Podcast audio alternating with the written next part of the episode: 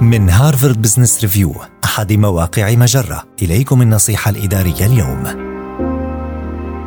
خطوات تحسن تحفيزك لنفسك وللآخرين في العمل ربما أثر التباعد الاجتماعي على عملك بشكل أو بآخر. فمعظم الموظفين نقلوا أعمالهم إلى منازلهم بسبب جائحة كوفيد-19 وبهذا أصبح العمل بذكاء وجد أمرا صعبا لاختلاف مكان العمل والالتزام بمسؤوليات العائلة اليومية. كيف تتأكد من اختيارك لاستراتيجية التحفيز المناسبة؟ لإقناع نفسك بالعمل بجهد وتحقيق الأهداف التي كنت تحققها سابقا.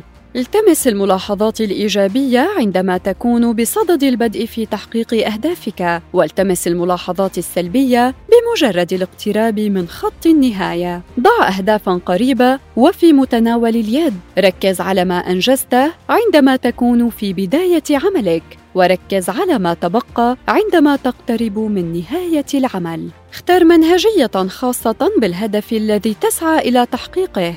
ركز على الحوافز المؤكدة والواضحة في بداية العمل على إنجاز الهدف ووظف المكافآت غير المؤكدة أو الغامضة بمجرد الانطلاق في مسعى تحقيق هذا الهدف.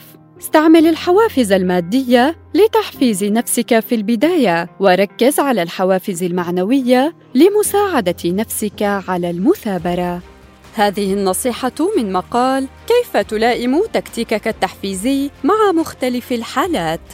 النصيحة الإدارية تأتيكم من Harvard Business Review أحد مواقع مجرة، مصدرك الأول لأفضل محتوى عربي على الإنترنت.